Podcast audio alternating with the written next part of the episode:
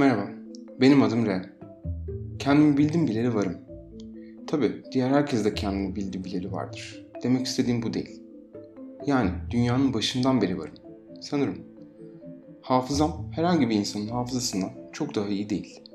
Son 100-150 yıldan daha gerisi silik anılar. Pek öyle dinozor, ejderha hikayeleri yok benden anlayacağınız. Evet, ejderhalar. İnsanların şu an bilmediği çok daha ilginç varlıklar ve hiçlikler de vardı. Fakat bunların bir önemi anlamı yok. Dünya şu an bu noktada ve geçmişi bilmek ya da hatırlamak bunu değiştirmiyor ya da daha anlamlı kılmıyor. Önemli dediğiniz hiçbir şey de aslında önemli değil. Hepsi gelip geçici.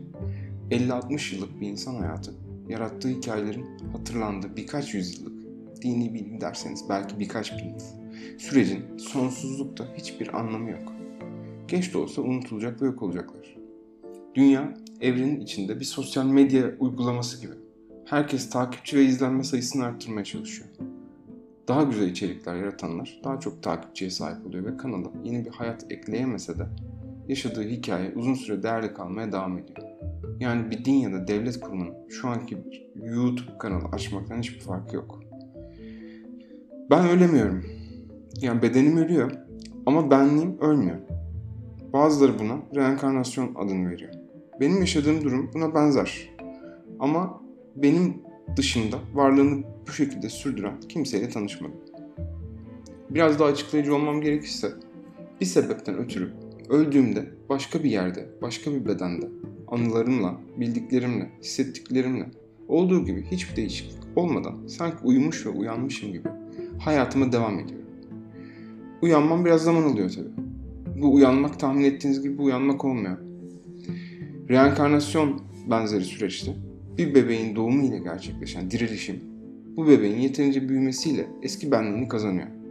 Bu süreçte de yeni eklenen anılar, kişilik, hisler, beni ben yapan şey her neyse o şey olarak gelişiyor.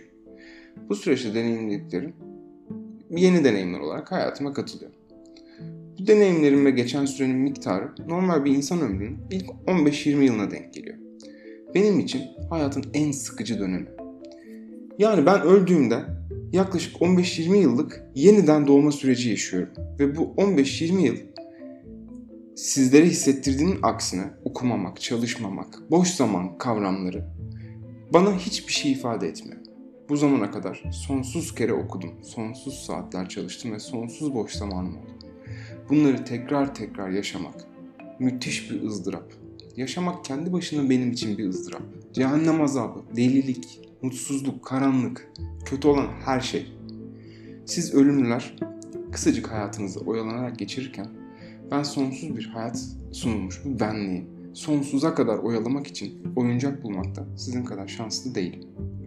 Meslekler, ilişkiler, aile kurmak, çocuk sahibi olmak, sanat yapmak size geldiği kadar anlamlı gelmiyor.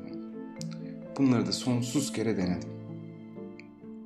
Bazen yeniden doğduğumda, doğduğum gün depresyona girdim. Ölene kadar depresyonda kaldım. Tekrar doğdum, kendimi tavana bakarken buldum. Tavana bakarak öldüm. Sonsuz kere ilk aşkı tattım. Bazıları heyecanlıydı, bazıları sıradandı. Sonsuz kere yaşadığınızda ilk kavramı biraz anlamını yitiriyor. Size hafızamın kötü olduğundan bahsetmiştim. Keşke daha kötü olsaydı da ilkler her zaman ilk gibi hissettirebilseydi. Evet, bir şeyler hissetmeyi önemsiyor oluşum size ilginç gelebilir. Size ilginç gelmesi de bana ilginç geliyor. Dediğim gibi yeniden doğsam da, sonsuz kere yaşasam da, sonsuza kadar yaşasam da, benliğim yok edilemez olsa da sonuçta normal bir insanın keyif alma, hayattan tad alma, anlam bulma, istekleri ve yöntemleri benim durumum içinde neredeyse aynı. Size anlatacaklarım ise bu sonsuz ve kendini tekrar eden ultra sıkıcı, bomboş hayatta var olma çabamdan ibaret. Hikayelerimi anlatırken canınızı sıkmamaya gayret göstereceğim. Can sıkıntısı nedir en iyi ben bilirim. Size de bunu yaşatmak her ne kadar yaşatmamakla aynı derecede anlamlı ve kalıcı olsa da canım böyle istiyor. 300 bin yaşında bir çocuk